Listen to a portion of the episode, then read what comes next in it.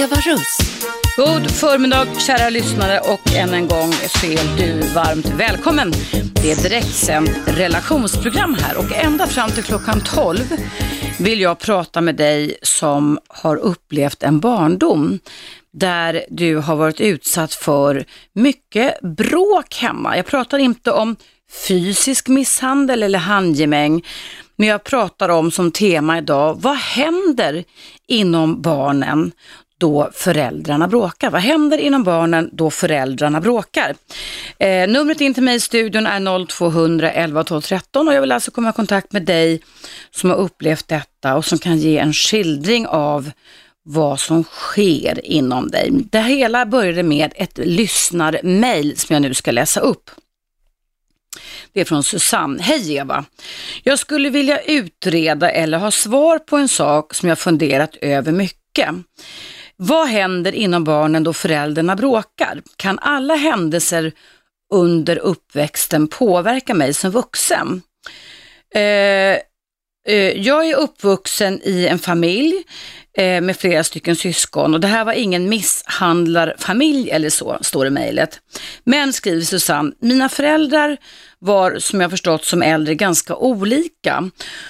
Och sen jag var liten, alltså de minnen som jag minns, så hörde jag väldigt ofta, ungefär en gång i veckan, högljudda bråk. Ja, så gott som varje vecka, skriver Susanne. De här bråken och diskussionerna skedde bakom dörrarna i mina föräldrars sovrum. Jag hörde det här och det var väldigt många gånger på under nätterna som jag hade svårt att somna när jag hörde att de bråkade. Jag låg stel ibland på natten, hade svårt att somna om om jag vaknade av bråken. Eh, jag hörde ofta eh, min pappas höga stämma och hur mamma grät.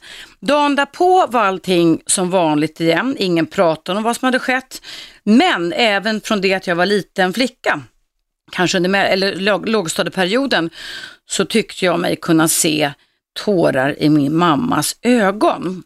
Mina föräldrar verkar vara ganska olika. Min pappa hade ett väldigt högljutt temperament. Eh, men aldrig att vi någonsin låtsades om det här i våran familj. Och det var alltså inte någon fysisk misshandel. Eh, som vuxen så upplever jag när eh, jag och min man har, är på väg att liksom hamna i en konflikt, att jag ganska omgående får en väldigt stark puls och jag känner att det knyter sig i magen. Jag har mer eller mindre som vuxen blivit konflikträdd av detta. Och min fråga till dig Eva är då, är det här vanligt eller är det ovanligt? Är det jag som överdriver eller inte? Tack för ett bra program. Hälsningar Susanne. Ja, vad händer inom barnen då föräldrarna bråkar? Det är ju väldigt mycket fokus på barn, inte senast häromdagen i Tom Alands fantastiska program Vad händer med barnen sen? Där man följt upp barn 30 år senare som har växt upp i dysfunktionella, destruktiva familjer. Men det som Susanne sätter fingret på och emot, det är när man ändå växer upp i en familj där det kanske till 80-85 % fungerar bra, men där föräldrarna av olika anledningar har mycket konflikter som man i alla fall i Susannes fall, det behöver inte alltid vara så i alla fall, försöker dölja och hoppas då att barnen inte ska ta skada av de här. Jag som är en nyfiken person eh, googlade genast för att kunna ge någon typ av belysning kring detta och jag kommer läsa upp en aktuell studie ifrån USA, ifrån Auburn University i USA. Det är en filosofie doktor i psykologi, Dr. Mona El-Sheikh, som har skrivit en första studie kring, i USA kallar man det för hushållsstress household stress. Men jag översätter det till alltså stress inom familjen. Och hennes frågeställning var om det skadar barns stresssystem? Frågetecken.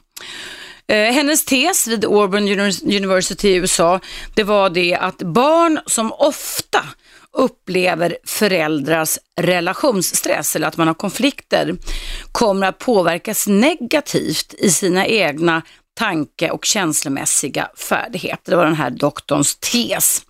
Och därför så gjorde hon då en första större inledande studie. Det handlade om 251 barn som alla hade olika bakgrund och hade två föräldrar. Det står tyvärr inte i den här rapporten om det var heterosexuella mest eller homosexuella. Jag antar att det kanske var mer heterosexuella.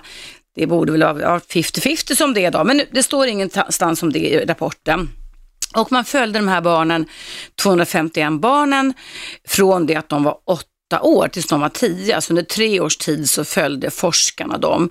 Och man testade barnen och intervjuade åtta, nio, tioåringar då i takt med att de växte varje år om de konflikter som barnen hade upplevt och bevittnat under det gångna året. Och Det man gjorde det var att man hade olika tester, bland annat så mätte man någonting som hette RSA. På engelska så betyder det Respiratory Sinus arytm. och det innebär alltså att man ville titta och se på hur kroppens autonoma nervsystem, det, det parasympatiska som ska ge en avslappnande funktioner alltså som ska göra att vi ska kunna gå ner i vila påverkas av man barnen har upplevt stress under barndomsåren. Det var ett eh, liksom, objektivt mättest man gjorde av det autonoma nervsystemet, av det parasympatiska, det som alltså ska ge oss återhämtning och vila. Ehm, och man gjorde också test där man ville se om det fanns samband mellan den här eh, vilofunktionen, stressvaret, alltså när stressen har ökat och om den går ner igen och barnens förmåga att kunna styra sin uppmärksamhet och sina känslor. Så, sen var det några andra tester till de hade där man tittade på hur de löste problem och så vidare. Och resultaten som forskarna kom fram angående då vad som händer innan barnen då föräldrarna bråkar, det var då att från åtta års ålder, att det oftast var en förskjutning av stressen. Så de barn av de här 251 barnen i USA som hade upplevt stress vid åtta års ålder kunde vid nio års ålder visa en, som de sa, svagare anpassning till det här. De hade alltså långsammare stresssvar och hade lite sega, lite långsammare förmåga att kunna fungera intellektuellt och att kunna göra, ägna sig åt aktiv problemlösning. Och eh, det forskarna kom fram, den här doktor Mona El-Sheikh, det var just nu i alla fall, att äktenskapliga konflikter, alltså konflikter som dina närmsta vårdgivare har, då de kommer frekvent, alltså att det kan man säga att det är ett stående inslag under uppväxten, kan påverka utvecklingen av barnens stresssvarssystem och som, som då kan göra att de kan ha svårare för att styra uppmärksamheten och eh, fokusera på adekvata saker, till exempel i skolan. Eh, lite fakta kring det här är ju det då att du och jag har ju då nervsystem inom oss som sitter nära eh, hjärnstammen, gamla reptilhjärnesystemet som handlar om att överleva på denna jord. Vi har ett system som ingår detta som heter det sympatiska, som liksom ska aktivera allting, dirigera om resurserna så att vi ska kunna kämpa och ta hand om alla faror som vi exponeras för idag. Det är det sympatiska och sen har vi det parasympatiska systemet som ska ha en avslappnande funktion. Så när vi varit ute och kämpat på den moderna savannen så ska vi liksom få hjälp med att vila upp oss lite. Och då ska pulsen gå ner och då ska blodtrycket sjunka. Och då ska också stresshormonerna minska. Och mys-pyshormonet eller det som också kallas för kärlekshormonet eller beröringshormonet oxytocin ska minska. Alltså så det parasympatiska systemet ska leda till att kroppen kroppens läkningsprocesser förbättras. Men forskningsstudien här då ifrån USA, Auburn University, visar alltså att barn i åldrarna 8 till 11 år som utsätts för frekventa föräldrabråk, inte misshandel, men alltså man hör hur föräldrarna bråkar, får alltså svårare att återhämta sig. Och Det innebär det att deras stresssvar blir lite skadat, påverkat, så att de får svårare att fokusera, koncentrera och dirigera om sina tankar och känslor när de är i skolan. Ja, det var den forskningsstudien. Nu vill jag komma i kontakt med dig som känner igen dig i det här. Jag vill höra din historia, hur det har påverkat dig eh, att leva, växa upp i en familj där det har varit frekventa bråk. Det kallas ju i min värld också för kumulativ stress när eh, stressen under barndomen ligger över barnet hela tiden så att man liksom inte får riktigt tid för att återhämta sig. Numret in till mig här i studion på Radio 1 är 0200 11 12 13 0200 11 12 13. Nu ska jag ta en liten paus här på Radio 1 men du är varmt välkommen att ringa in i pausen och berätta om dina egna upplevelser och betraktelse kring vad som hände inom dig då dina föräldrar bråkade när du var litet barn.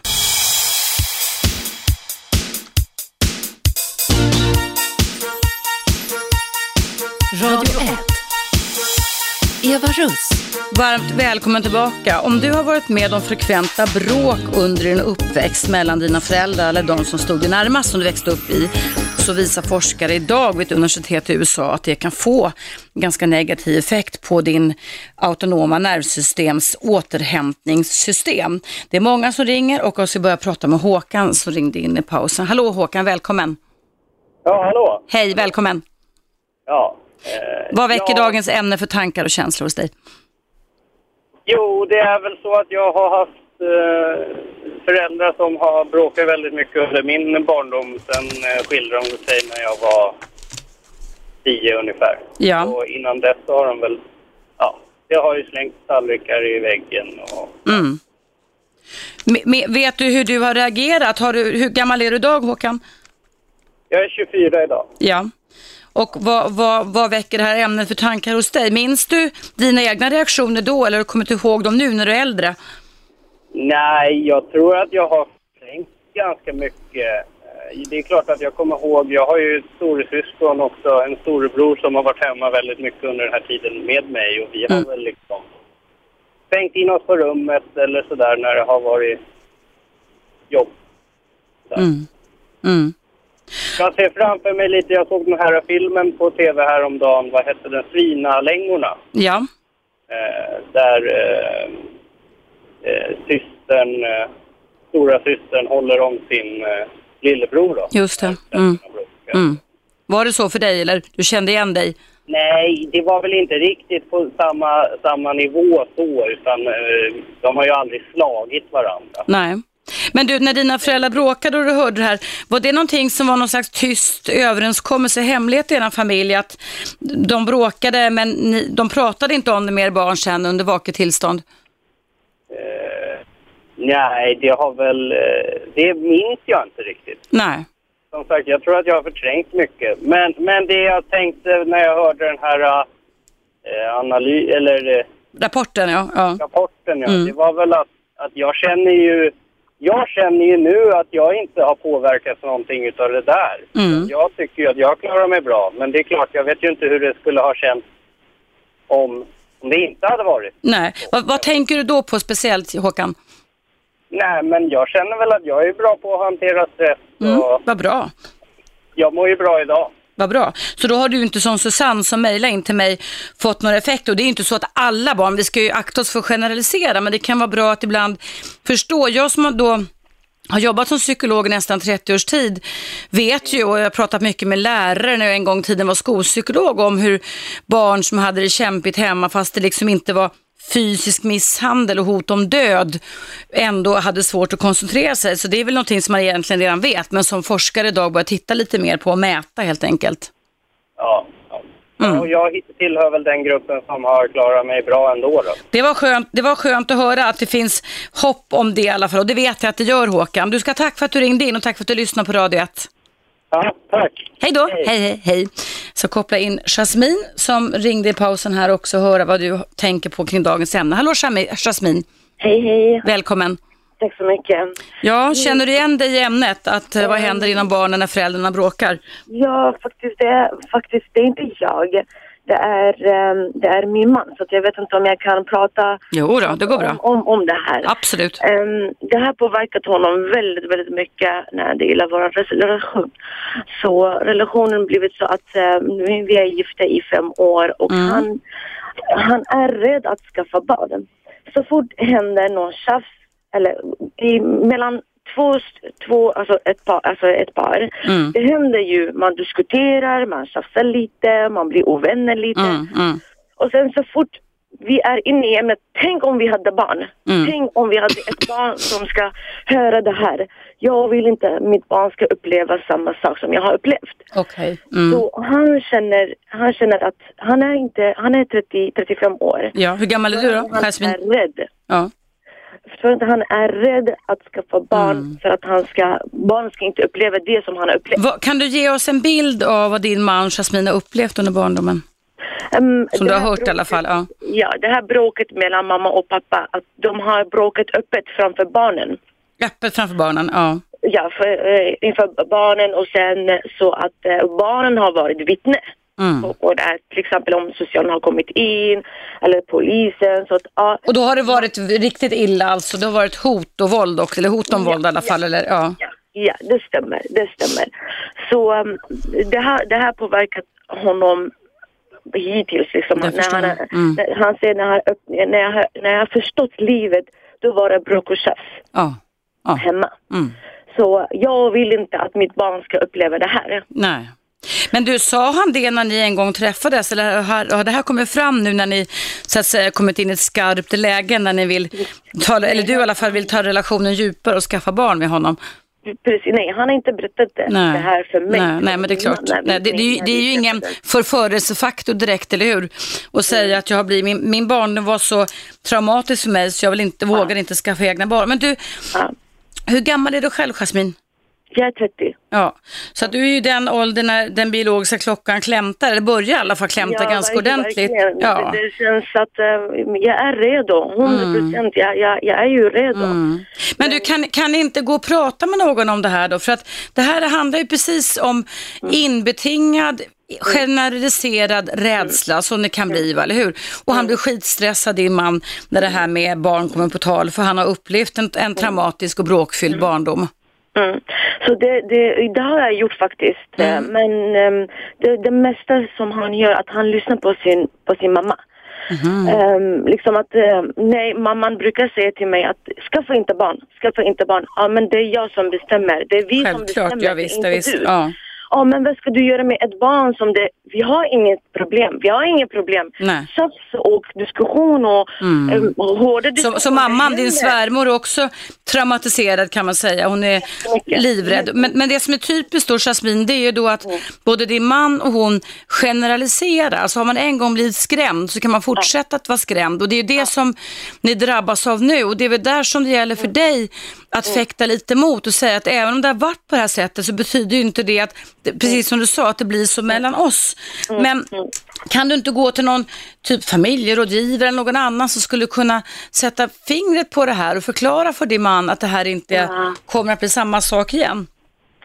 Ja, det, det, det har jag inte faktiskt försökt. Jag har försökt bara typ lösa det här Mm. mellan oss och prata med honom för att vi har väldigt öppen dialog med varandra. Vi diskuterar om allt möjligt. Mm. För- det för- är för att- jätte- jätteskönt men just det där ämnet, han är väldigt Mm. känslig. Och det, det som är viktigt som du kan förklara, Jasmin, det är ju det att rä, ha, har vårat eh, sympatiska nervsystem som, är där, som, ska göras förberedda att hantera faror startats, som man nu säger billigt, för ofta och för många gånger så kan det i vuxen ålder, när man är barn, bli liksom överhettat om man säger så. Och det innebär precis som du säger att man får en oerhört snabb starter response, att din man blir snabb, svarar direkt, blir skitskraj så fort som han känner igen någonting som skulle kunna påminna om honom om det han har varit med om när han var barn. Och då, då, då, blir, då slås liksom hjärnans förnuft ut och han generaliserar det här och sen förstärks det av mamman som förmodligen mått jättedåligt, alltså din svärmor under uppväxten med. Så att du har ju kämpat mot deras båda rädslosystem kan man säga. Ja, ja, exakt, exakt det är Mm. det som handlar om. Så för vi, vi diskuterar och, och eh, det blir lite hårdare diskussion. Mm. Då säger jag, tänk om det fanns ett barn här. Jag bara, men vi har inget barn. Nej. Så, så, så slappna av. Jag pratar inte om barn, vi pratar om någonting helt annat. Men tänk om det var det. Så jag blir, jag blir själv lite rädd. Ja, och, och tänk om-tankar är ju typiska för katastroftankar va? som också då, alltså vi kan ju gå igång så att sympatiska nervsystemet drar igång larmreaktioner fast det inte finns någon fara. Vi kan ju sitta hemma i stolen precis och tro att allting är fara när vi en gång upplevt det. Men då gäller det, som du sa till exempel, att t- lugna ner, tona ner och s- verkligen försöka hjälpa din man till att säga okej, jag förstår att du känner så, men är det verkligen en sån fara? Titta på din föräldrakompetens eller vuxenkompetens. Titta på mig, din fru som du har gift dig med. Har vi inte samma personer som din pappa och mamma var en gång i tiden? Då var då och nu och nu. Att ni får bygga en liten mur däremellan. Va? Skulle du kunna försöka föra in samtalet mot det när du pratar med det här om din man? För jag förstår att det här måste vara jättejobbigt för dig och för er. Ja, ja jättejobbigt. Mm. Men det här med familjerådgivning, den, den kommer jag att tänka på faktiskt. Ja, de, de är så duktiga på många håll i landet och det finns ju då kommunal som man kan, kan gå och prata med. Man, alltså man skulle kunna börja med det. Eller också kan... Vad sa du? Privat liksom. Ja, ja, du kan gå privat. Du skulle kunna gå till en familjepsykoterapeut eller någon psykoterapeut, gärna då med kognitiv inriktning som jag jobbar med. Eh, men man kan gå till någon som har psykodynamisk inriktning med. Men det här, grejen är så här att vad det egentligen handlar om, Jasmine, det är att din man måste få hjälp att hitta verktyg. Sätt där han kan bemästra sin starka faro och reaktion så att han inte generaliserar för resten av sitt liv. Alltså så fort han tänker på familj och barn så får han hjärtklappning och blodtrycket går upp. Va? Men det är så det kan bli. Det här är ett, ursäkta om jag säger det, det här är ett gyllene exempel på, ett negativt exempel men ett viktigt exempel på hur en traumatisk barndom sätter sina spår även i vuxenlivet och i framtiden. Mm. Ja. Han får näsblödning när han tänker på det. Oj, oj, oj. Ja, då är det så starka Väldigt, rädslor. väldigt Ja.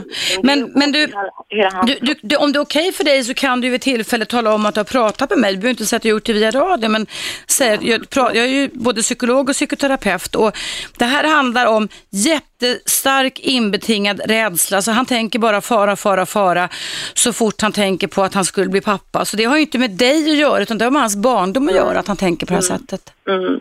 Men försök att, och, det, och då finns det alltså sätt man kan lugna ner sig och man lär sig meditation, mindfulness, avslappning och sen pratar om det så kan hjärnan kalibrera in en lite mer nyanserade tankar. Va? Ja. Men, men om, så att du ska egentligen prata om det här med barn utan att svärma och det där och förstärka det. För hon förstärker det negativa har jag förstått, Ja, eller hur? Exakt, Ja. exakt. Det är ju så. Äh, vad tråkigt. Men du, ge inte upp Jasmine, utan, jag utan annars kan du be att, att jag kan ha ett samtal med er per telefon om du skulle vilja, men då blir det i radio, men ni kan vara anonyma och tala om det detta. Och googla gärna på stark rädsla så kan du se vad som händer inom oss. För det är viktigt för oss att vi idag förstår att stark rädsla kan göra oss skitskraj för saker och ting, fast det inte liksom Mm. är fara idag, eller hur? Ja, det stämmer. Mm. Tack så hemskt mycket. Ja, tack själv. Jag håller lycka till till dig du och hör av dig om det inte blir bättre. Tack, det ska jag Tack för att du ringde in Jasmin. Hej då. Hej, Hej Ja, hörni, det är många som ringer. Lägg inte på ni som ringer nu. Jag ska alldeles strax trycka på knapparna här och ta emot era samtal. Men nu är det dags för en nyhetsuppdatering. Du lyssnar på Radio 1. Jag heter Eva Russ och är relationsexpert här på Radio 1. Och dagens tema handlar om eh, att barn kan fara illa när föräldrarna bråkar. Det finns en aktuell studie från USA som visar att barn kan få svårt att slappna av om de frekvent under uppväxten är utsatta för att man får höra, liksom ta del av väldigt ofta att föräldrarna bråkar. Så det behöver inte vara våld och misshandel, det kan räcka med frekventa bråk som, ja, i barnens värld i alla fall upplevs att det liksom inte får någon lösning. Numret in till mig här på Radio 1 är 0200 11 12 13. Du kan också mejla i pausen och mejladressen är evaradio1 snabel gmail.com. Vi hörs efter pausen som kommer här.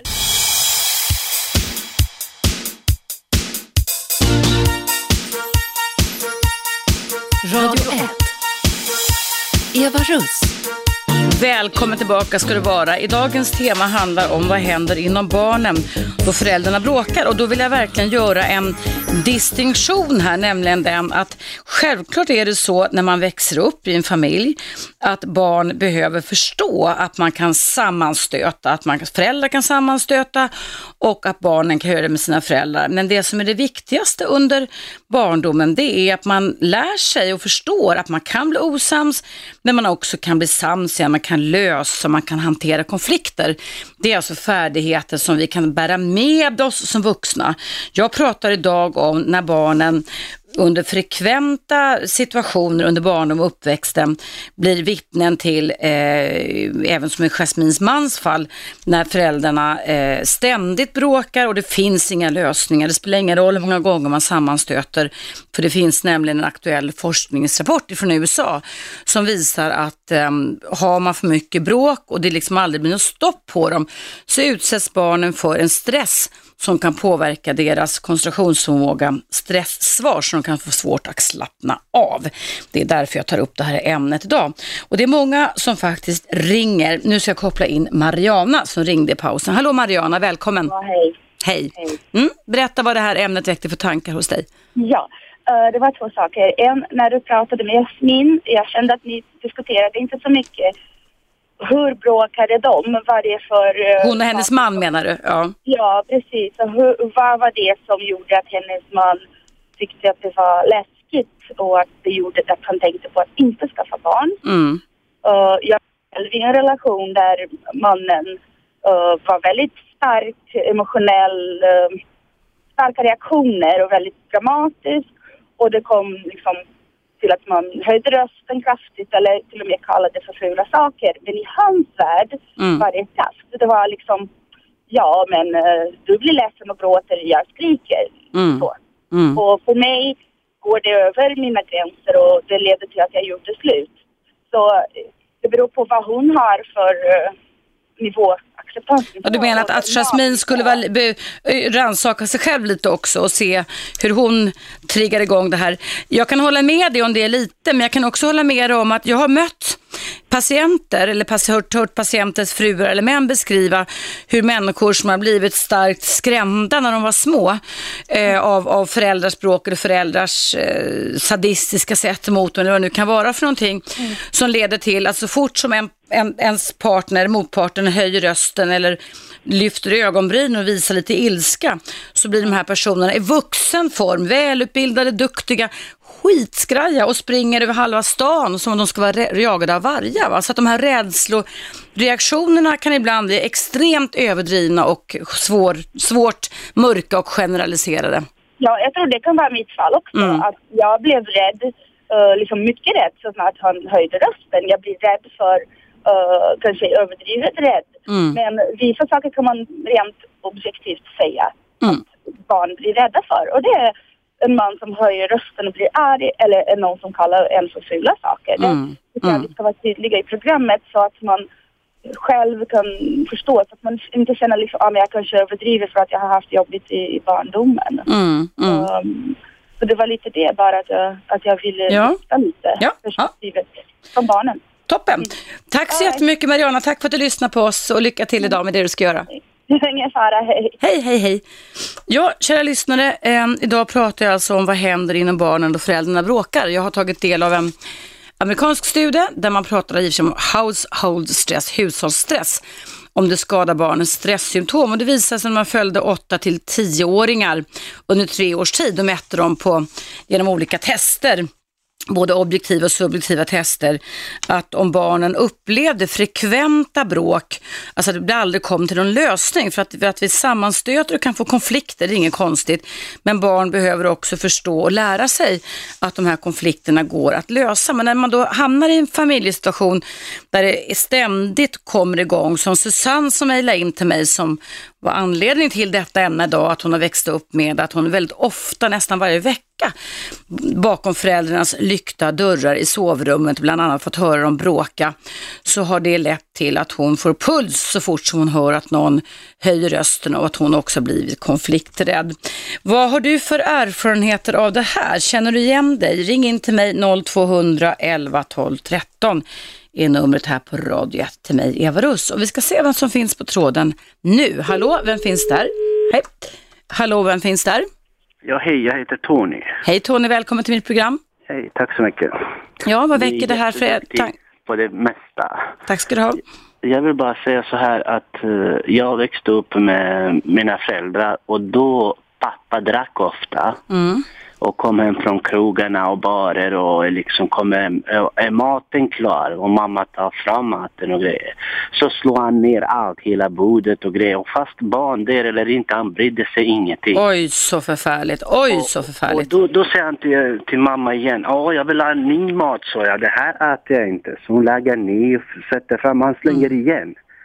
Alltså det gick så mycket på mina nerver Det att jag jag. bara väntade när jag ska bli större att slå ihjäl han. Mm. Det blev alltså en sån vrede och rädsla Mm. sammanlagt. Vad, vad, vad, vad hände sen under din uppväxt? Fortsa- fann sig din mamma i detta eller Eh, lämnade hon din pappa? Nej, hon lämnade inte honom. Det är det som var konstigt. Mm. Alltså, för att han brukar knuffa henne, ge henne örfil och grejer. Då, då skrek jag, då håller jag mamma i benen och skriker att alla ska höra. Liksom. Jag, Hur gammal var lite- du då Tony? Ja, jag, jag var ju nio år. Ja. Och då skrek jag och gjorde kaos och liksom, han slängde så. De kunde gå och köpa nya saker och ställa sådana här fina porslingrejer. Sen kommer han någon dag full och slänger alltihop. Va?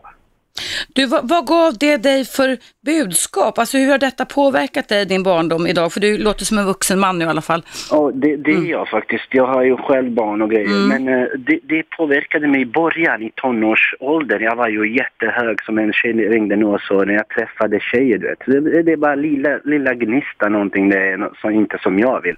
Hur då? Att du blev förbannad? Att du överreagerade Ja, alltså? Precis, Ja. precis på Mm. allt. Allt. Liksom små detaljer kunde jag göra jättestora. Mm. Jag blev vad fan skriker. Och sen insåg jag en gång eh, en kvinna, ganska äldre kvinna jag träffade där. Och då berättade hon för mig, hon jobbade med sån där eh, Mm. Psykologi eller. Och, och då säger hon till mig, Mario du, du överreagerar på allt. Och, och sen jag visste inte, jag säger till henne, men det, stämmer inte. Nej, just du det. också Mm. överdriver va. Mm. Och, och sen en gång spelade hon in mig utan att jag vet, när jag satt och fika och pratade med henne. Ja. Och, och då släppte hon sig, kolla din röst bara nu hela tiden, hej sakta men säkert och blir Mm. jätte, jätteförbannad på små saker och detaljer. Och, och då insåg jag alltså det här funkar inte, jag måste alltid lugna ner mig och, Mm. och så fort det är någon konflikt eller någonting, jag försöker lugna ner mig och... och Du har gått och tränat, tränat på att göra det alltså. Ja, Ha- ha- precis, det har jag gjort. Har du lyckats sen- med det också tycker du Tony? Ja, ja, ja Mm. jag tycker jag har lyckats. Att jag är nu äh, egenföretagare och flera företag driver utomlands också. Mm. Vad roligt. Och, och Mm. tränar och, och liksom äh, lycklig. Men du, hur är din relation till din pappa och mamma då? För lev, lever de och lever de ihop de fortfarande? lever, de lever ihop fortfarande, Ja. men eh, ibland till och med idag. Han kan också eh, sådär dricka och gapa och skrika och grejer. Så Mm. jag förstår inte. Och sen, sen vad, är, vad, är, vad är största problem? När jag åker på semester, då träffar jag dem, det är klart. Mm.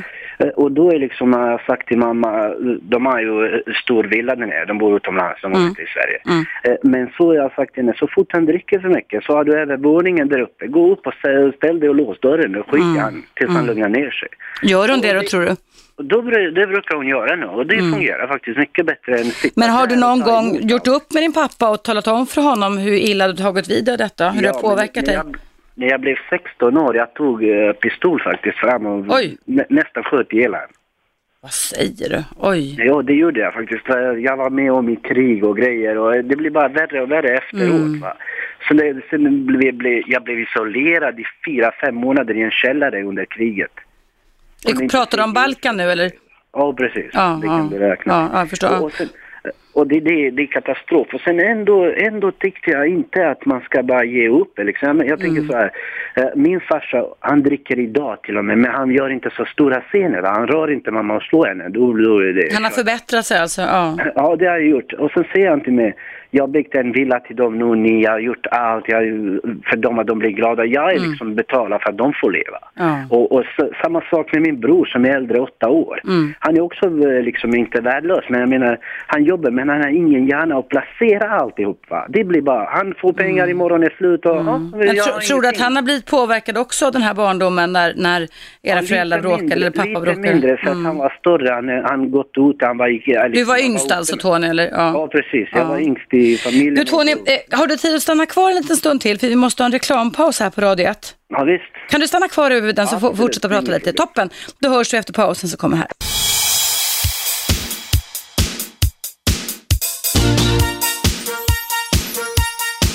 Radio 1.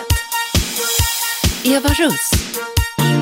Mycket välkomna tillbaka. Jag talar idag om vad som händer inom barnen då föräldrarna bråkar och jag ska fortsätta en liten stund till mitt samtal med Tony. Tony, är du kvar? Ja, visst. Vad fint, tack snälla du. Du, ehm, du berättade innan pausen här att du växte upp med en far som blev galen när han drack och att han slog ner nya saker och att du hade en mamma som underkastade sig och fogade sig liksom i detta och att de fortfarande då är gifta. Men du, du, vad fick du för hjälp? Alltså det gick ju till ytterligheter då när du var tonåring när du nästan ville skjuta din egen pappa och jag förstår att man kan bli så jävla förbannad när man har varit Jag vittne till detta. Honom. Jag, jag, ja. jag älskar honom som älskar mamma, men jag tyckte att det var Ja. överdrivet. Jag skämdes för han. ja, det Och förstår sen jag. i skola, i skola, precis som de säger nu, alltså man kunde inte koncentrera sig, Nej. man blir bara tänker på hemmabråk, jag har sovit dåligt. Alltihop går genom huvudet, vad ska man göra, när ska jag bli större, när ska det sluta? Men du, sl- slog han dig någonting också när han drack pappa eller? Han slog mig, ja. Men den här gången när jag var 16, ja, inte 16 ännu, men Mm. när jag var nästan 16, jag drog fram vapen och sköt bredvid hans huvud på Ja. väggen. Och den dagen, från till och med den dagen, han aldrig slog mamma eller mig något mer.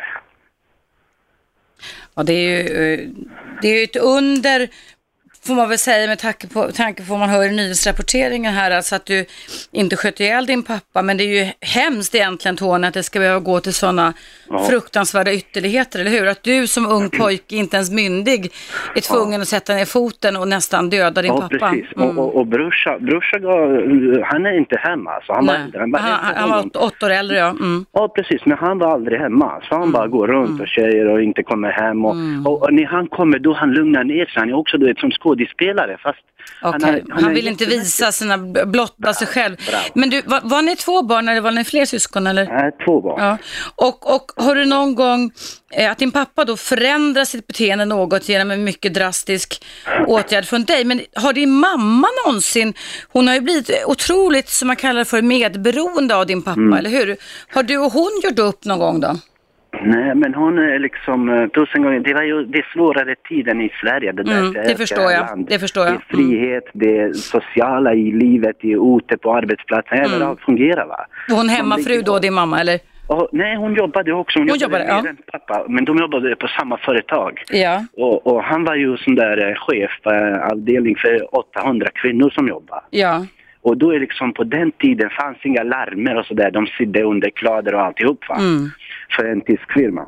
Men jag, tänk, liksom, men jag tänker bara, har du din mamma pratat om det här? Har du inte varit arg på din mamma också? ja, jag har sagt tusen gånger och grinat men hon säger vad ska jag göra? Men hon Mm. jobbade då. Sen slutade hon och hon blev skadad och fick sockerproblem. Och, Mm, mm. och, och slutade hon jobba. Hon kunde inte jobba. Hon svimmar hela tiden va. Och då är liksom, säger hon till mig, ja, ja vad, vad, kan man göra? Liksom? Det finns, Mm. Man ringde polisen tusen gånger men de kommer bara fram, de känner alla varandra. De, de, de gör inte ett skit. De kommer, Ja. ah, visst, han lever ju liksom. Men, men du ju." Tony, är det här ett ty- personligt drag hos din far att han var så här våldsam när du var liten? Eller kan det vara eh, krigen, alltså stressen ni haft runt Nej, omkring er där nere? Eller? Han brukar tusen gånger säga till mig, ja men min farsa slog mig och gjorde kaos Mm. mig. Så det var lite so- sociala arvet kan man säga. Ja, precis. Men Mm. då, då sa jag till honom, bara för att din farsa var dum i huvudet, jag var 15 år, Mm. då behöver jag inte göra det. Varför skaffar du familj och, och Mm. försöker göra, spela, spegla för någon när du inte kan klara Just av det. det? Mm.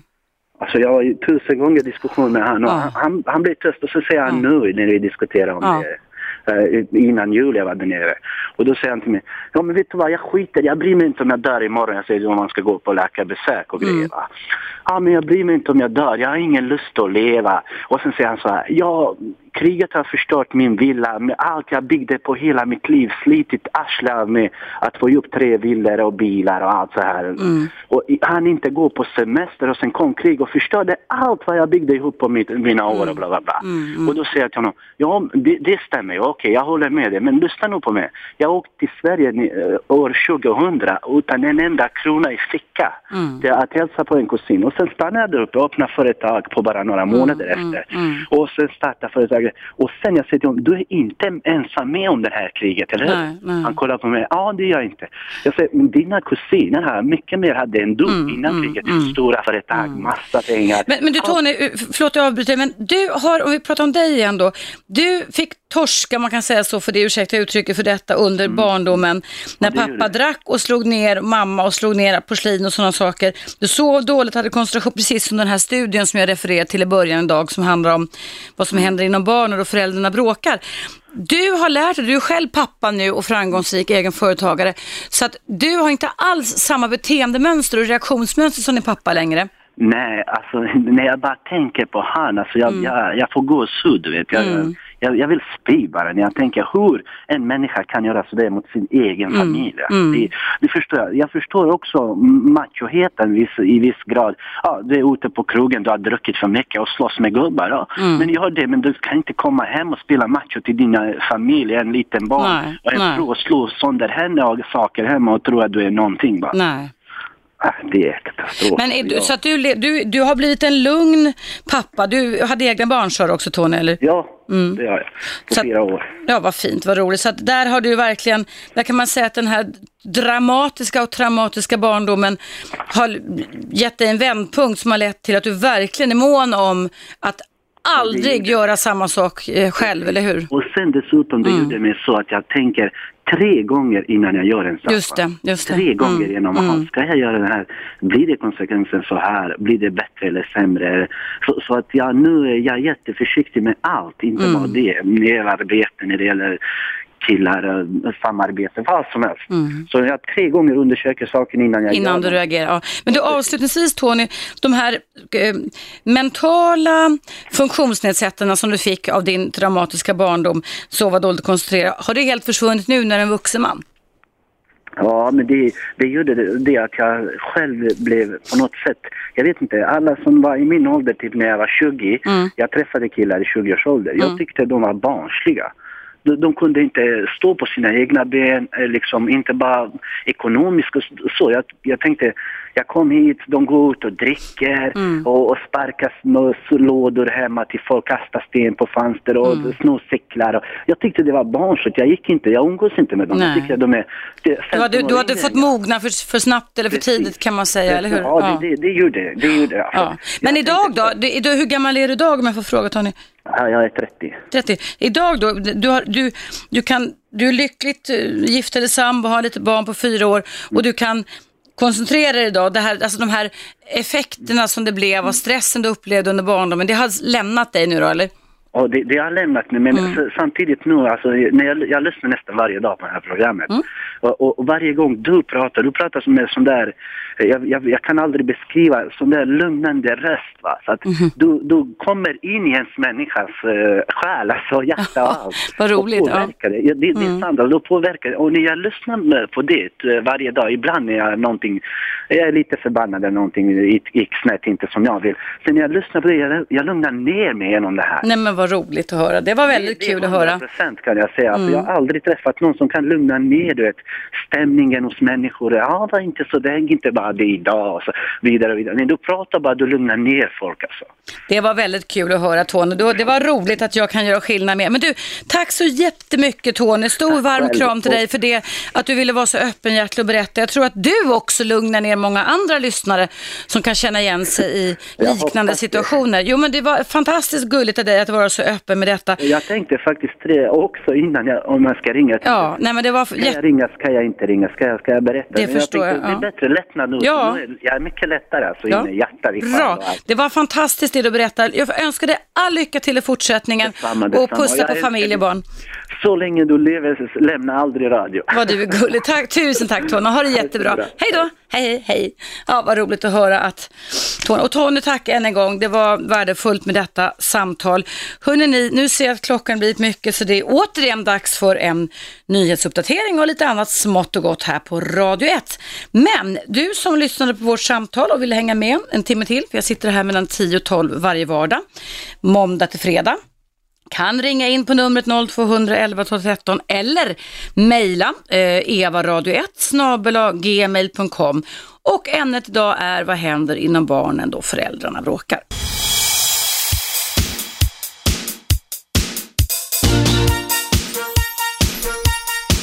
Radio 1.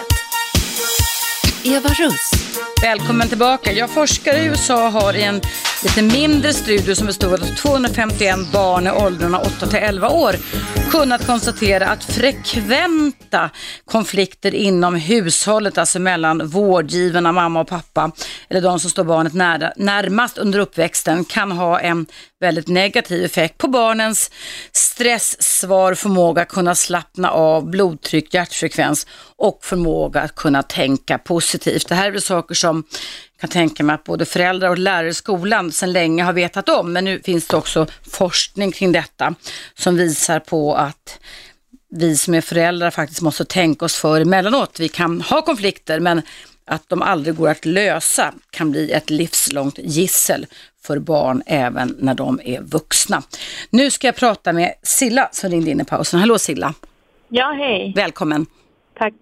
Berätta vad det här ämnet väcker för tankar och känslor hos dig.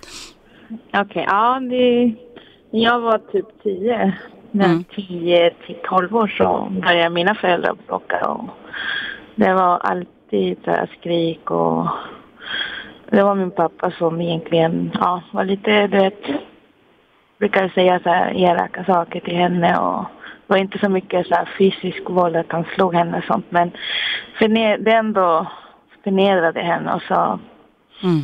eh, kallade henne för fula, alltså ja, Mm. så här, din tjockis. Va, va, var det bara då eller tror du att det var Silla innan det också? Innan du var tio år gammal eller? Ja, jag tror, ja det började lite innan också. Mm. Har du någon aning om idag vad det var för anledning som gjorde att din pappa förändrade sig sådär och så, var sådär elak? Mm. Ja, de, jag tror inte att de hade, de hade inte det så himla bra heller på den tiden. Mm.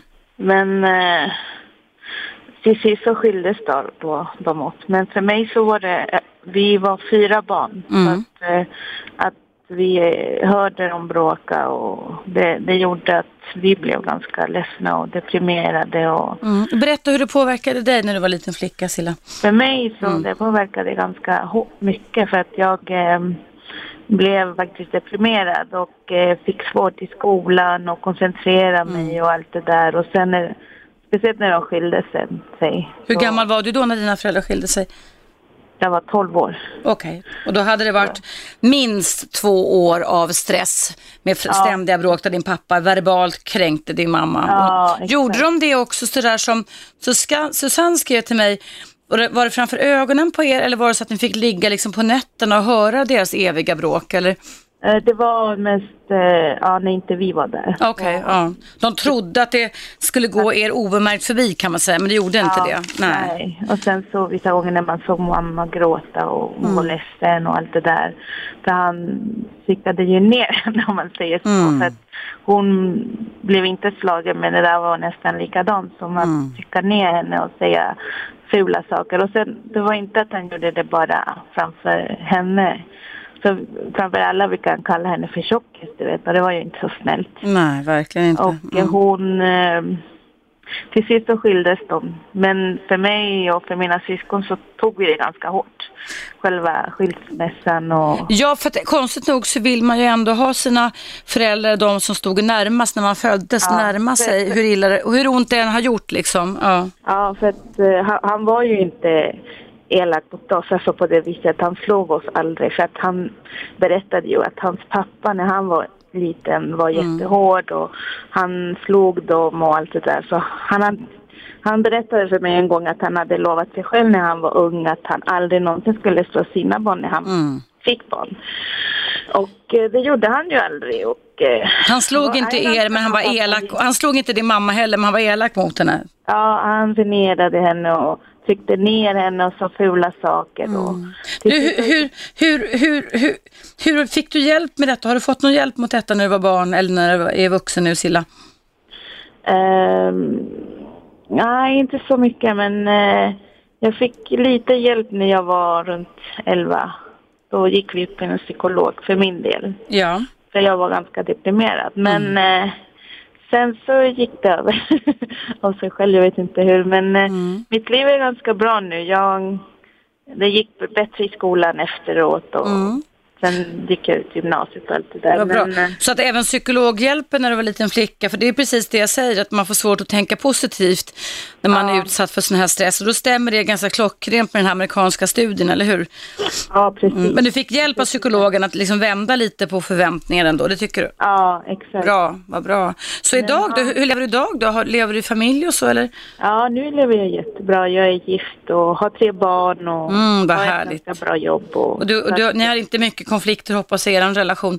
Nej, och vi tänker liksom alltid på att inte, inte skrika framför barnen. Och Mm. om vi har konflikter så försöker vi prata ut dem, inte, inte gapa och Nej. skrika och, så att barnen hör. Nej.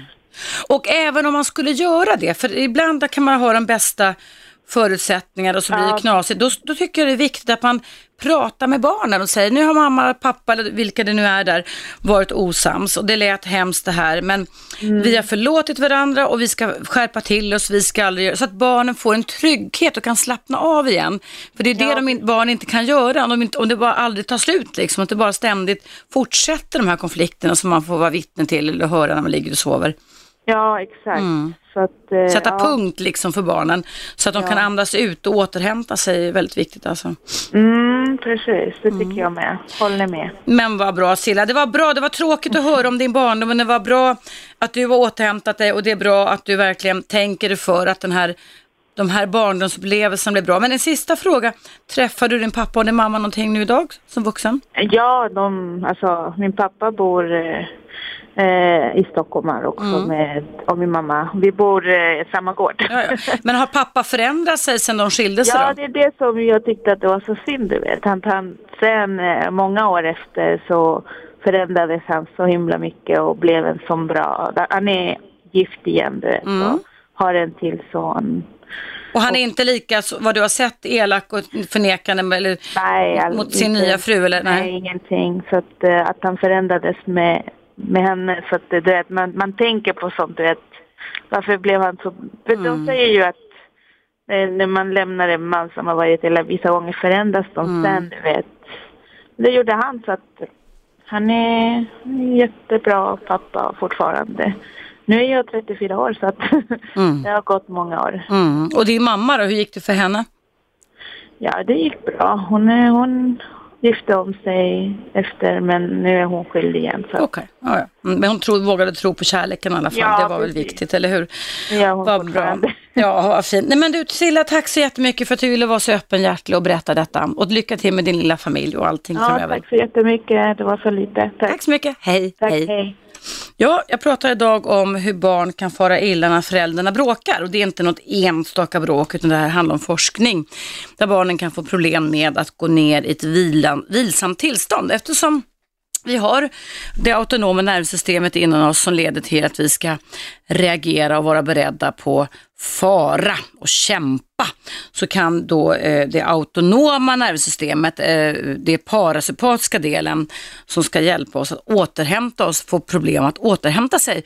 Eh, om det är så att ett barn under uppväxten ständigt blir utsatt för stresspåslag och stresspåverkan.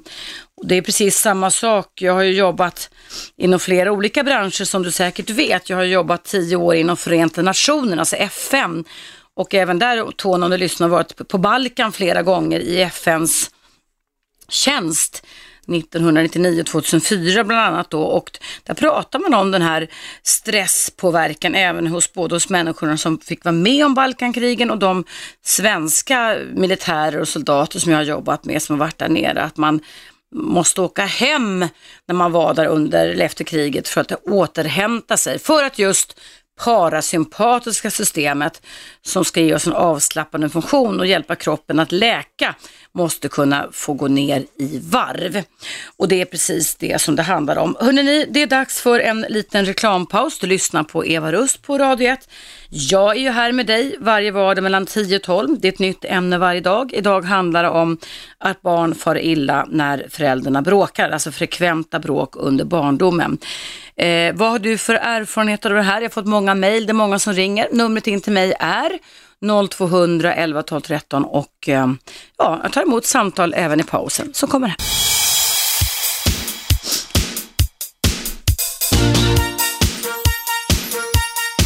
Radio 1. Eva Russ. Välkomna tillbaka. Idag pratar jag om hur barn kan fara illa när, barn, när föräldrar bråkar.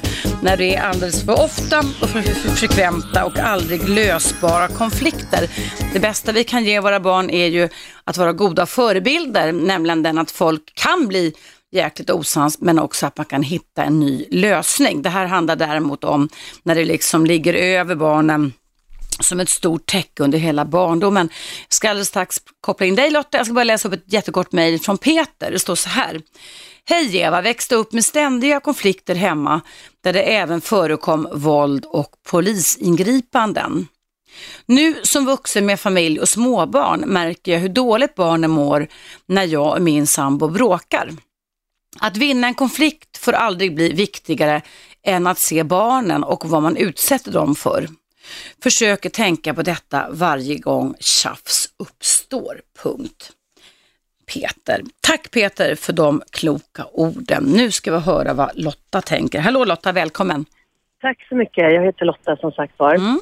Och jag har en fråga kring barn som har separerade föräldrar. Och Mm. jag har varit separerad från min tioårings pappa i tre år och det var Mm. jag som lämnade. Ja. Vi bor nära varann ute i en förort och han har eh, otroligt svårt för att kommunicera med mig kring vårt barn. När vi träffas så ger han mig fingret och det kan han till och med göra ibland så att vår dotter ser det. Vår dot- dotter vågar inte ens prata om mig i sin pappas närvaro. Är vi ibland samtidigt på klass eh, eh, om det kan vara sommaravslutningar och hon råkar då bo hos sin pappa den veckan, då vågar hon inte hälsa på mig nästan. Oj. Hon går och bär den här ilskan som hennes pappa Mm. har Mm. därför att jag ville lämna honom. Mm. Och jag känner att eh, jag försöker kommunicera via mail och sms och ibland får jag svar och ibland får jag inte. Och hon är precis på väg in i prepubertal. Det händer väldigt mycket saker i hennes både tankemässigt och med kroppen. Mm. Och jag får nästan aldrig några svar. Jag tänker så här, hon, hon går och bär så mycket. Och Mm. Hon pratar gott om sin pappa hela tiden och pappa är mycket bättre än vad jag är. Pappa har eh, så mycket bättre mat. Alltså hon försöker, och jag pratar aldrig ett ont ord om honom. Nej, förstår. Nej. Men hon försöker på något sätt, ja, det är så jobbigt för henne. Vad, vad tror du man kan göra åt det? Ja, för, för det första då, din exman har inte lugnat ner sig nu när tre år har gått.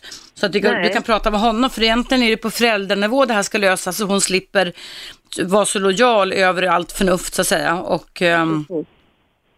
har du prövat att prata med honom om det här? Jag, jag har provat att prata och jag har bett honom eh, läsa böcker om hur barn far illa när föräldrar Mm. inte kan komma överens efter Mm. skilsmässa. Jag har bjudit in via vår eh, kommunens familjerådgivning. Han har Mm. blivit kallad, han vill inte komma dit. Eh, och så vidare. Och han lever i ett nytt förhållande sedan snart tre år tillbaks med en, med en jättebra tjej vad jag förstår det som. Men ändå så på något sätt så han agget finns kvar mig. mot dig på något sätt. Ja. Så han har satt eran dotter i en liten gisslansituation. Skriver jag ner som frågetecken här. Precis, precis. Ja, det är ju sådär att när barn far illa så kan de, precis som vi vuxna, behöva lätta på trycket. Och problemet är väl det att om du till exempel skulle initiera att hon skulle få gå och prata med någon expert eller på BUP och så vidare så måste han ju godkänna det och då kanske han får en trumfkort och säger att hon absolut inte får gå eftersom du vill det, eller hur? Ja, precis. Det är väl så det är, ja. Hela tiden. Men du träffar henne regelbundet för ni har delad vårdnad, eller? Ja, ja, jag har henne varannan vecka, absolut. Kan du inte prata med henne om det här, alltså bara på din niv- mammanivå om man säger så, som ju inte är fy skam alls, och säga att vad du lägger märke till, att du alltså beskriver vad du märker och frågar hur hon tänker och känner så att du kan visa att det är okej hemma hos dig, att ni pratar om det här utan att det blir några repressalier för hennes del. Precis, för det känns inte som att jag går för långt då. Nej, det jag, tycker jag väcker inte. Några Nej. Absolut inte. Jag tycker du kan pr- prata om det och säga att det här är viktigt och, och det stannar hos dig med. Men vad kan jag göra? Hur tänker du kring det här? Hur känner du? För det är ju viktigt att du har en dialog med henne och att hon har sin, när hon är hos dig, eftersom Mm. ni är skilda, du är din exman, så har ju hon sin trygga bas där. Och du får ju då liksom eh, garantera för henne då att det här är bara, ja din mamma och din pappa han reagerar på ett visst sätt men jag reagerar på ett annat sätt. Och därför vill jag prata lite mer om det här. Jag tror att vi, det är jätteviktigt att vi inte tappar kommunikationen med barnen när, även när det är hårda tider, förstår du, när, det- när det är knepigt liksom. Precis, jag förstår. Så att, men inte lägga några värderingar utan mer hur ser du kring det här och inte att det var Du kan, du, ja, du kan, jag- precis, du kan prata om att man kan reagera på olika sätt. va? Pappa har Ja. reagerat på ett visst sätt, du har reagerat på ett visst sätt och jag, att du säger att du reagerar på ett visst sätt med. Och ibland Ja. gör föräldrar och, och vuxna människor reagerar på sätt som ibland, när du blir större kan du säga till din dotter kan tycka liksom vad konstigt det här blev. Va? Men det har med Ja, pappas och ja. mammas personlighet att göra, så absolut inte svartmåla honom, utan mer normalisera och säga så här tokigt kan det bli många gånger. Det är många andra barn som upplever samma sak. Men, men, men jag tycker så att man normaliserar för barnet och gör det tryggt och samtidigt Ja. säger att det här är okej så att de känner att de, för det är det man till exempel när man går till en sån som mig, så har jag ju tystnadsplikt va? och det är därför att du ska kunna våga öppna ditt hjärta utan risk för repressalier, att någon annan ska veta vad vi pratar om. Och det tycker jag du kan liksom vid- vidimera för er dotter Även fast det borde vara självklart, va? men nu är det ju inte så i och med att pappan har varit en utagerande här så att säga. Ja, just det. Att vi ska prata om det här, kan vi prata, alltså resonera, droppa det lite då och då. Så att det Ja. blir normaliserat för henne att det här är okej, att man kan prata om det. Just det, för jag känner att hon, hon bär, liksom, Mm. hon är någon slags Nej, då får du liksom det försöka mycket sticka hål ansvar. lite på det och, och prata om det. Och, eh, du kanske kan titta på om det finns jag har inte det just nu här inne, litteratur eller ytterligare saker Mm. kring det här. Va? Och säger hon bara nej, nej, nej som unge, då ska du stå på det. Va? Därför att då är det ofta ett försvar som leder till rädsla eller andra känslor som gör att hon inte törs. Va? Ja, just det. Nej, men för det känner jag ganska starkt. Mm. Och då får du hjälpa henne att tala om att det inte är ett dugg farligt utan tvärtom normalt. Men att någon gång måste vi börja prata öppet med varandra. Ja, nej men precis. Ja, men det är bra. Jättebra. Prova det, annars får du återkomma Lotta och berätta Ja. hur det går i sådana fall. Tack för att jag fick Jättebra. rådgiva dig. Ja, Tack. tack. Hej då. Hej. Hej. Hörrni, det är många som mejlar till mig idag också. Mejladressen är evaradio1 snabela gmail.com. Det kan du också se om du går in på Radio 1 hemsida. Eftersom ämnet har handlat om att barn kan fara illa av så kallad household stress. Hushållsstress kallas det en amerikansk studie från Auburn University i USA. Eh, att det kan skada barnens stresssystem, eller rätt sagt det parasympatiska systemet som ska hjälpa oss att återhämta oss om det är så att det sker frekventa konflikter under barndomen. Så vill jag läsa upp Maries mejl som har lite motsatt eh, inverkan, eller upplevt motsatt inverkan under uppväxten. Hon skriver så här. Ehm, eh, hon har varit med om motsatsen där det kan bli totalfel. Och så skriver Marie så här. Jag växte upp i ett hem där fadern styrde allt med järnhand. Jag vet att jag fått smisk för saker då jag var liten, men det hemskaste var fars humör. Han var mest arg, men sa aldrig nästan någonting. Han tittade bara på en med kalla, hårda ögon och sammanbitna käkar. Han kunde tiga veckovis då något skett hemma eller på jobbet. Då tassade mamma och jag på tå och visste inte någonting om vad det egentligen handlade om. Hans blickar dödade mig. Pappas arga tigande var så, så skrämmande. Sen fortsätter Marie så här.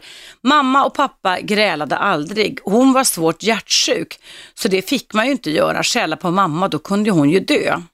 Att inte få se vuxna gräla på ett sunt sätt har gjort mig så konflikträdd så det finns inte. Jag har fått lära mig av min son att gräla. Att man kan höja rösten och säga dumma saker i vredesmod utan att det betyder att något fruktansvärt ska ske. När jag träffade min nuvarande man kollapsade jag första gången vi bråkade. När han höjde rösten föll jag ihop på golvet. golvet. Så även, skriver Marie, om det inte finns några bråk eller gräl så kan det också bli helt fel. Eh, ja, sen stod det lite mer kring detta. Det får jag återkomma till dig, Marie, per mail. Ja, det här är också ett exempel på när man då har hållit tillbaka allting, där man alltså har lagt munkavle på alla typer av känslor och där då man har tassat på tå och liksom kapslat in allting i en kappsäck. Och vad jag säger då till dig Marie och ni som lyssnar, det är det att Självklart så kan barn och behöver barn få uppleva att mamma och pappa blir osams. De ska inte behöva uppleva att slag och hot om våld och fysisk misshandel eller psykiskt kränkande som Silla berättade om här ska förekomma eller som Tony har berättat att han såg sin far klubba ner mamman han växte upp och ändå stannar mamman kvar. Ehm, det är den värsta och mest hemskaste barndom man kan tänka sig. Men det kan också enligt den här studien som jag refererar till idag vara så att när ni ryker ihop med er partner, försök att lägga band på era känslor så att det inte blir för våldsamma bråk som skrämmer, skrämmer era barn för mycket. Men om det ändå är så att ni råkar skrämma era barn, då ska ni trösta era barn efteråt. Inte låta dem ligga själva och få trösta sig själva. Utan då får ni, det är er plikt, att ni söker upp era barn, ni klappar dem på pannan, ni stryker dem över, över kinden, ni kramar dem och ni konfirmerar, alltså ni bekräftar att de, du har varit arg, du pappa eller mamma, vilka nu är, har varit arg och att ni är sams nu och att ni är ledsna för det som inträffade och att det här kommer att gå över och att mamma och pappa eller mamma och mamma och pappa eller pappa kommer att somna gott och imorgon kommer ni vara vänner igen. Så barnen liksom behöver få helheten kring det här. Det värsta som finns det är då om det liksom blir som öppna sår, att barnen får växa upp med att de går omkring i ett ständigt larmläge, att de aldrig vet. Va? De går till skolan, kanske sovit dåligt på natten för föräldrarna bråkade och så går de till skolan och sen går de med ont i magen och ont i huvudet hela dagen och sen när de är på vägen hem så kanske kompisar vill leka med dem och frågar får jag följa med hem och leka? Och då säger barn, nej det går inte, det, det, mamma är sjuk eller pappa är sjuk. Av rädsla för att andra barn ska få reda på familjehemligheten. Jag har faktiskt haft många sådana klienter i terapi som lite en passant, alltså sådär vid sidan, när de är vuxna, beskriver då sin barndom och då kan man ofta få förklaringen till varför vissa ständigt går omkring som vuxna med spänningshuvudvärk, ont i magen, magkatarr, magsår, ont i ryggen och så vidare, sömnsvårigheter, koncentrationssvårigheter. Så är det så att du känner igen dig i att du har liksom fått överhetta, överladda ditt stresssymptom, stresssystem under barndom i olika situationer så kallas det med ett fint namn för kumulativ stress eller också traumatisk stress, det är den versionen värre som Tony och Silla har varit med om som har ringt in idag. Vill du veta mer om vad de har berättat om idag så vet du att mitt program som heter Eva Russ här på Radio 1 alltid går i repris vardagar klockan 19.00 på frekvensen 101,9. Nu däremot är det dags för en ytterligare en nyhetsuppdatering på Radio 1. Jag ser att det ringer här, numret rakt in till studion till mig är 0200 11 12 13 och idag pratar jag om att barn kan fara illa om de får uppleva frekventa konflikter mellan föräldrarna under barndomen.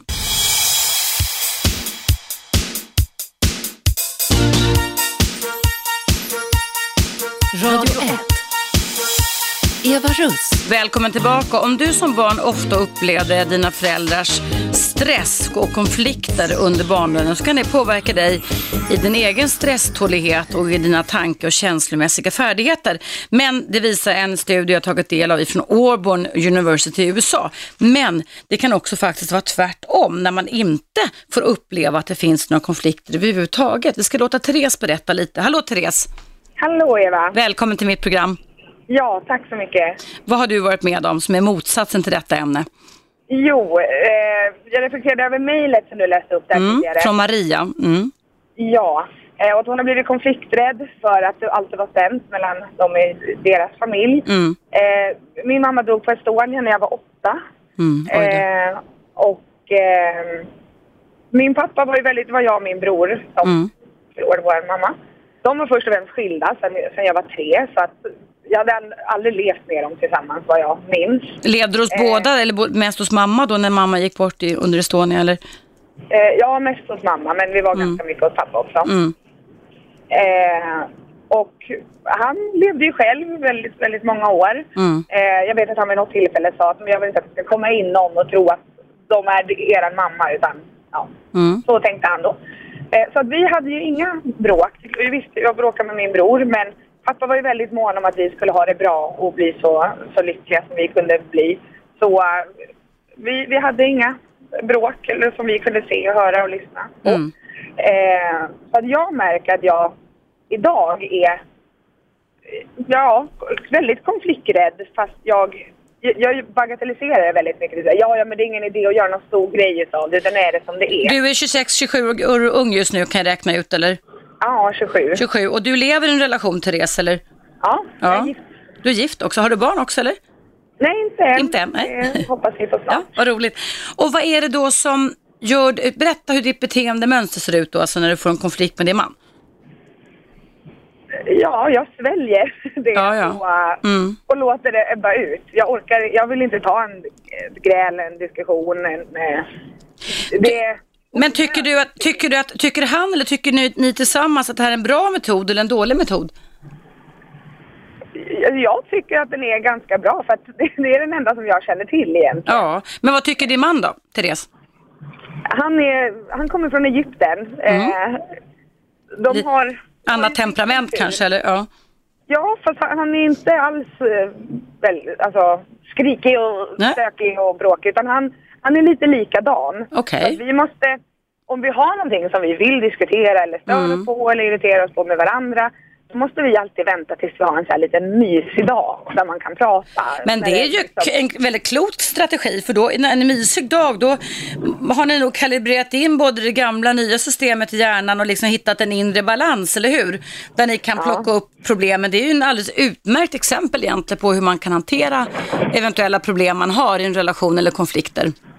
Ja, alltså jag, jag tycker att det funkar bra för att vi, vi säger inte en massa dumma onödiga saker mitt i, Mm. i ilskan för den kommer aldrig fram. Nej. Då går man och, och tar in det lite, funderar på vad vill Mm. jag få sagt när det blir en sån här mysig, Mm. mysigt tillfälle och Mm. då, då tar vi det. Och då Men, jag, men, men man kan ju tänka sig Therese, att om, om nu, nu din man och du inte var så lika varandra så kan man ju tänka sig att det kunde reta gallfeber på en annan motpart när man har en konflikt i en relation, att man sväljer och låter det ebba ut och den andra personen står där och hoppar och känner sig jättefrustrerad över att man inte får en chans att reda ut det. Ja, fast båda är nog ganska tysta. Det är ingen som står och Nej. hoppar och bara prata med mig. Utan vi...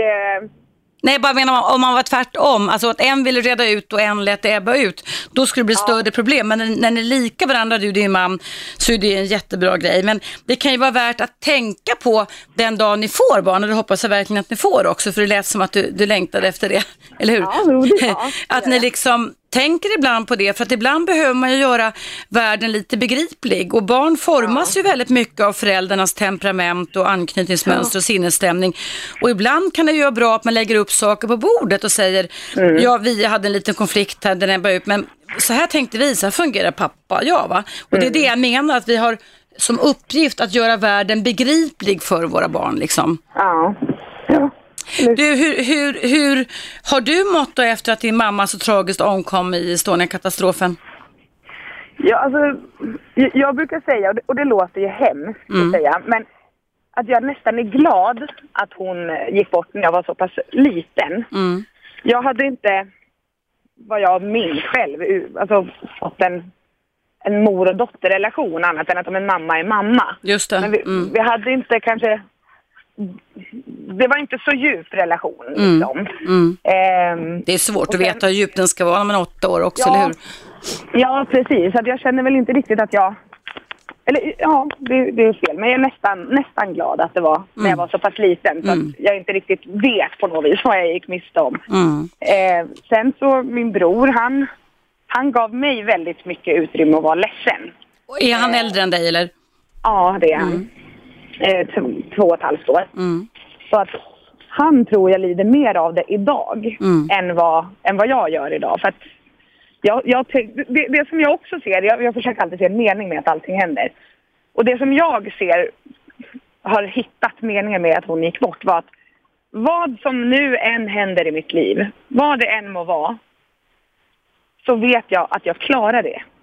Att jag har tagit mig igenom det värsta som jag tror att någon kan uppleva förutom att kanske förlora ett barn. Mm. Ehm, och jag har blivit normal ändå. Mm. Så att jag har, när saker är svårt, eller blir svårt, så tänker jag väldigt mycket att men det löser sig för att jag vet att man klarar allt. Just det. Mm. Din pappa då, hur har han klarat sig av förlusten av sin hustru och mamma? Ja, de var ju skilda då, när, när det hände. Mm. Eh, men han har nog klarat det bra. Han, är- han, han är en sån här som mussla som sluter allt Okej, ja. inom sig. Jag, Ja. jag är helt tvärtom. Okej. Ehm, så han har inte pratat så mycket om hur han kände och tänkte och, och så. Men ja, nu på senare år så har jag ju kunnat tänka tillbaka på hur mycket han verkligen försökte finnas där för Mm. oss och, eh, och, och vara oss till lags. Mm. Kanske i vissa fall för mycket. Ja, men, Men det, det är ju det. ganska normalt att man, har man varit på väg att förlora något så vill man gärna överkompensera, eller hur? Alltså visa att man Mm. finns ännu mer. Men du, eh, Therese, tack så jättemycket med din illustration om hur det kan bli tvärtom också när man inte upplever några bråk under barndomen. Och eh, det är hemskt tråkigt med din förlust, men jag hoppas att du får ett jättefint och långt relationsliv med din man och många barn om det är det du vill ha. Ja, det Ta- tack för att du lyssnade på Radio 1. Tack- Tusen ja, tack. Tack själv. Hej då. Ja. Hej. Hej. Ja, hörni, eh, idag finns det fortfarande kvar tid att ringa in om du vill prata med mig om hur frekventa relationer i hemmet kan skada barnens stress och eh, stresssystem faktiskt. Jag refererade i början på det här programmet på, till en amerikansk studie av 251 barn som hade olika bakgrund som en som levde med två föräldrar. Det stod dock inte om de var heter eller homosexuella. Och barnen var mellan 8 och 10 år gamla där de sen intervjuades och där man gjorde mätningar av i vilken grad som det parasympatiska nervsystemet, det som alltså handlar om att vi kan hantera stresssvaren och koppla ner och reparera oss, påverkades efter att föräldrarna hade bråkat och barnen hade bevittnat eller upplevt detta och så prickade man givetvis in då hur många gånger och så vidare. Det var en studie vid Auburn universitet i USA och då visade studien den att barn som har blivit utsatta frekvent för mycket liksom, bråk inom familjen eh, kan ha svårigheter att kunna gå ner i varv. Det är som att deras sympatiska nervsystem, den andra änden av det autonoma nervsystemet, innebär att den triggas igång. Fara, fara, fara, kämpa, kämpa, fem, kämpa, ungefär som man gör när man har levt i krigshärdar, när man har eh, varit med om svåra stressupplevelser så kan man alltså överreagera. Det är vad jag pratar om idag. Eh, det är alldeles strax paus men jag ska höra vem det är som ringer in innan pausen. Hallå, vem finns på tråden? Ja, hejsan, det är Helena här. Hej Helena, hej. Vi ska alldeles strax ta en liten reklampaus men kan du berätta lite kort vad du vill prata med mig om angående dagens ämne? Ja, det jag ville fråga dig det var att jag har lyssnat på de sista samtalen Mm. det du har sagt. Och jag är precis nyskild. Ja. Och anledningen till att eh, vi skilde oss, Mm. eh, det var det att eh, vi två var helt olika personer Mm. eh, i vårt sätt att eh, hantera konflikter. Mm. Och detta ledde till att det blev väldigt mycket, till en början, eh, tjafs och sedan eh, bråk Mm. i hemmet. Ja, och ni har barn Eh, också eller? Ja, Mm. två små barn. Mm. Hur gamla är barnen? Eh, tre och ett halvt och fem och ett halvt. Okej, mm, ja, då är de ju små. Ja. Så det var, Ja. det var konflikthanteringen, men tog kärleken slut eller var det så att ni var, kände er förmanade att skilja er för att ni sabbade för mycket för era barn och för er själva? Eh, jag tror att eh, parallellt med eh, all bråk så liksom Försvann eh, kärleken? kärleken bara ja, slocknade. jag förstår det. Ja. Det fanns liksom inget eh, intimitet kvar. Mm. Ehm, vi till slut liksom, ja, vi, vi var bara två vuxna som var sambosar Mm. och hade två gemensamma barn. Och, och vad är det, vi ska alldeles strax ta en liten reklampaus här. Vad är det du skulle vilja fråga mig om? Jag vill fråga dig att det som har hänt för ett år sedan, Ja. Eh, all dessa bråk och sådär, Mm. eh, vilket barnen har också liksom sett och hört och vi har sagt elaka saker till varandra och gapat och skrikit och svurit och allt möjligt liksom. Ja. Eh, jag har försökt att förklara det, Ja. men ehm, ska jag, eh, hur ska jag hantera Mm. det? Sätta det spår eller vad Okej, ska jag göra? ja. Jättebra. Och vad hette du en gång till? Kan du säga vad du hette? Helena. Helena. Helena. Då, häng kvar Helena så, så lyssnar vi på reklampausen här på Radio 1 så ska vi prata om det efter pausen.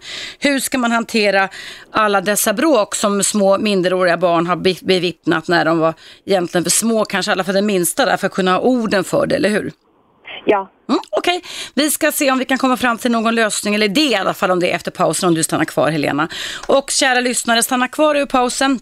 Dagens ämne handlar alltså om hur frekventa bråk kan påverka barnens stresssvar, både som barn och som vuxna. Och där ska vi höra hur, vad de har varit utsatta för, Helenas barn, när de var tre och ett halvt och fem och ett halvt år gamla.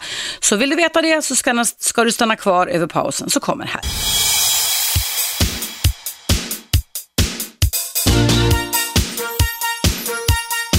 Radio 1. Eva Russ. Hej och välkommen tillbaka. Det här är Radio 1 och jag heter Eva Russ. Och dagens ämne har handlat om, utifrån en amerikansk studie, om barn far illa och på vilket sätt i sådana fall när de utsätts för frekventa bråk under uppväxten.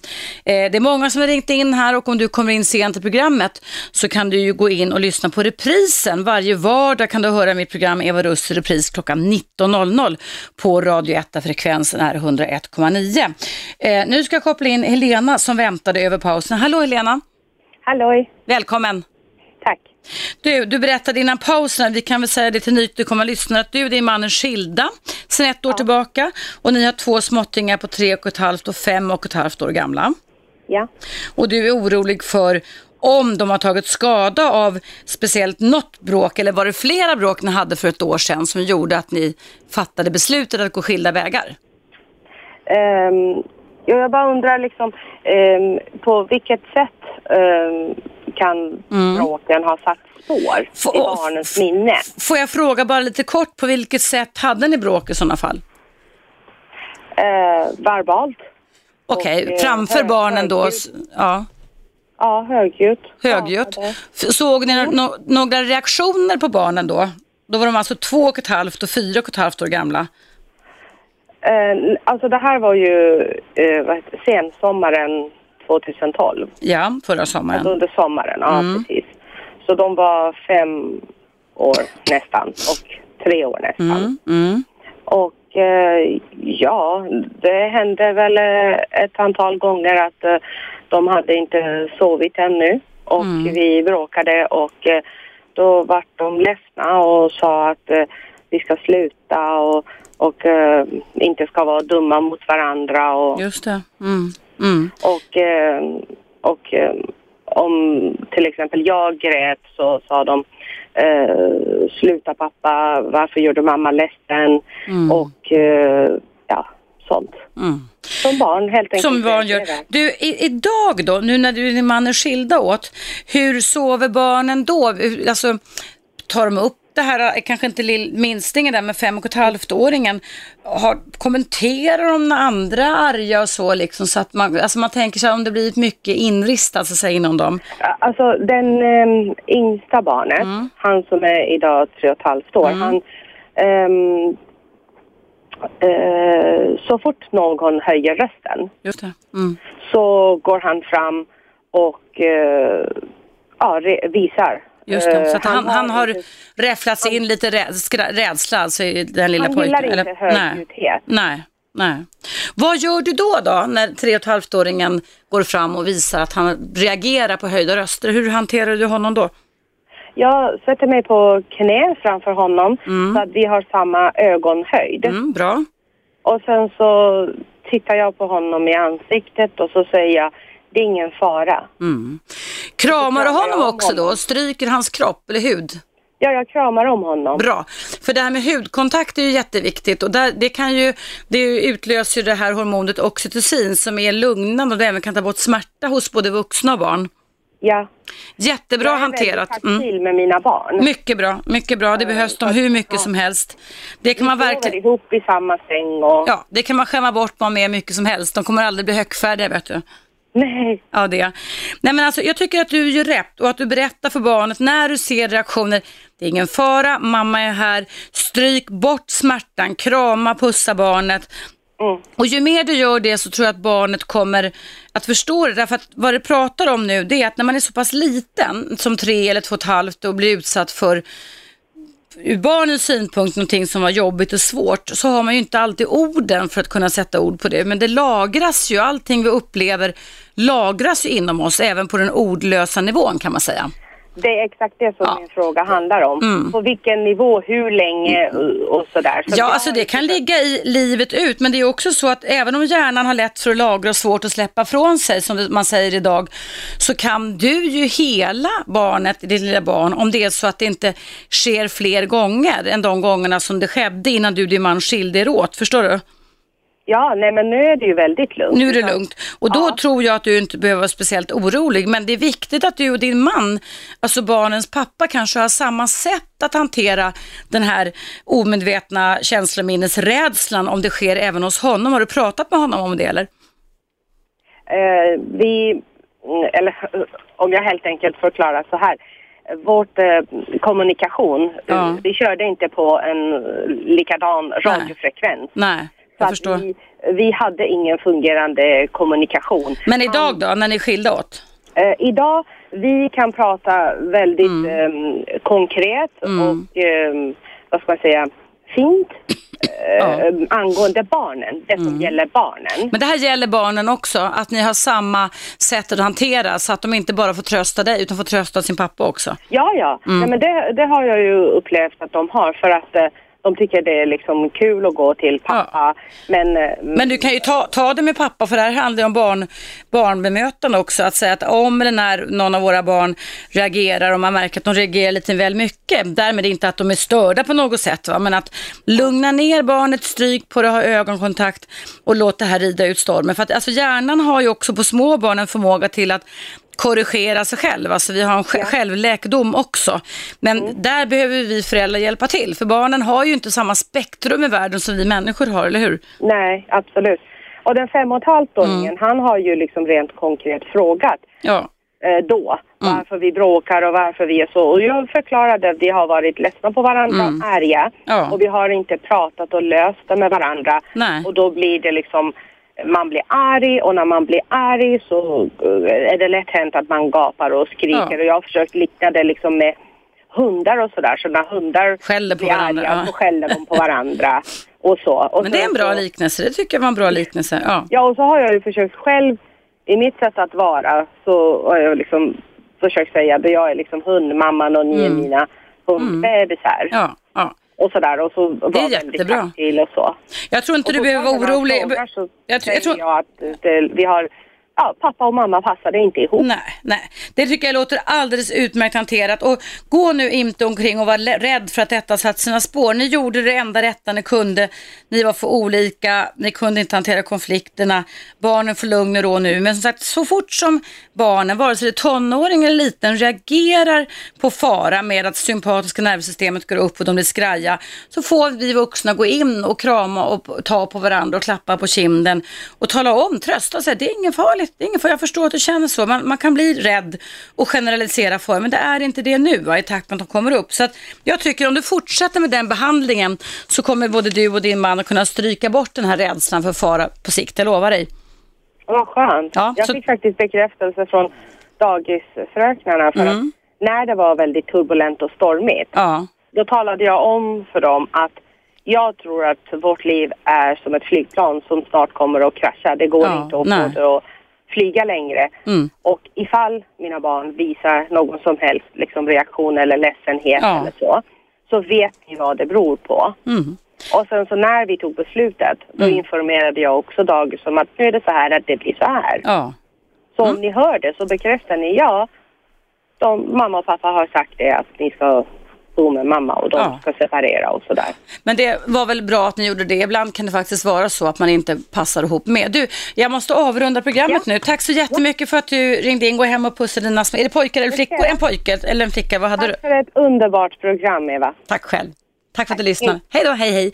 Och kära lyssnare, det är dags för mig att sätta punkt på dagens program. Eh, vill du höra på det i repris som sagt var varje vardag klockan 19.00 och temat idag handlade om att barn kan få problem med sin stress, hantering och uppmärksamhet om de utsätts under barndomen och uppväxten för frekvent eh, relationsstress, alltså att föräldrarna inte kan hantera konflikterna. Att det händer emellanåt, det är inget konstigt, men om det är så att man ständigt är på vakt mot fara så kan det enligt forskare i USA faktiskt få vissa konsekvenser. Hörrni, det är alldeles strax för mig dags att gå iväg och eh, ja, fika. Eh, vi ska ju fika med alla de personer som la bud på oss här på Radio 1, fika med programledarna. Eh, jag ska gå iväg och fika med Ingvar som sitter här i studion. Eh, kaffe och bulle, vi är flera stycken som ska gå iväg. Men det betyder inte att Radio 1 lägger ner just nu, utan mellan 12 och 1 så är det mig veteligen Aschberg, Best of Aschberg som kommer. Och sen klockan ett vet jag i alla fall med råga att Cissi Wallin är tillbaka igen och hörde henne redan igår. Cissi Wallin 13 15, 15 18 Aschberg och 6, eller 18 19 Johan Kinnmark Sportvärlden. Och sen kan du lyssna på min hesa stämma igen klockan 19.00 här på Radio 1. Och imorgon hoppas jag verkligen att du är tillbaka igen klockan 10.00 igen och då är det dags för ett nytt relationsämne. Och Kalle som har mejlat mig två gånger idag, jag återkommer till dig men jag hann inte ta upp ditt ganska långa mejl idag. Kanske vi kan prata vid om du mejlar en gång till och skriver ditt telefonnummer så kanske jag kan ha med dig i radion på sikt. Jag vet inte, du får avgöra själv. Tack i alla fall för att du hörde av dig och tack alla ni andra. Hej då. 101,9 Radio 1 Sveriges nya pratradio.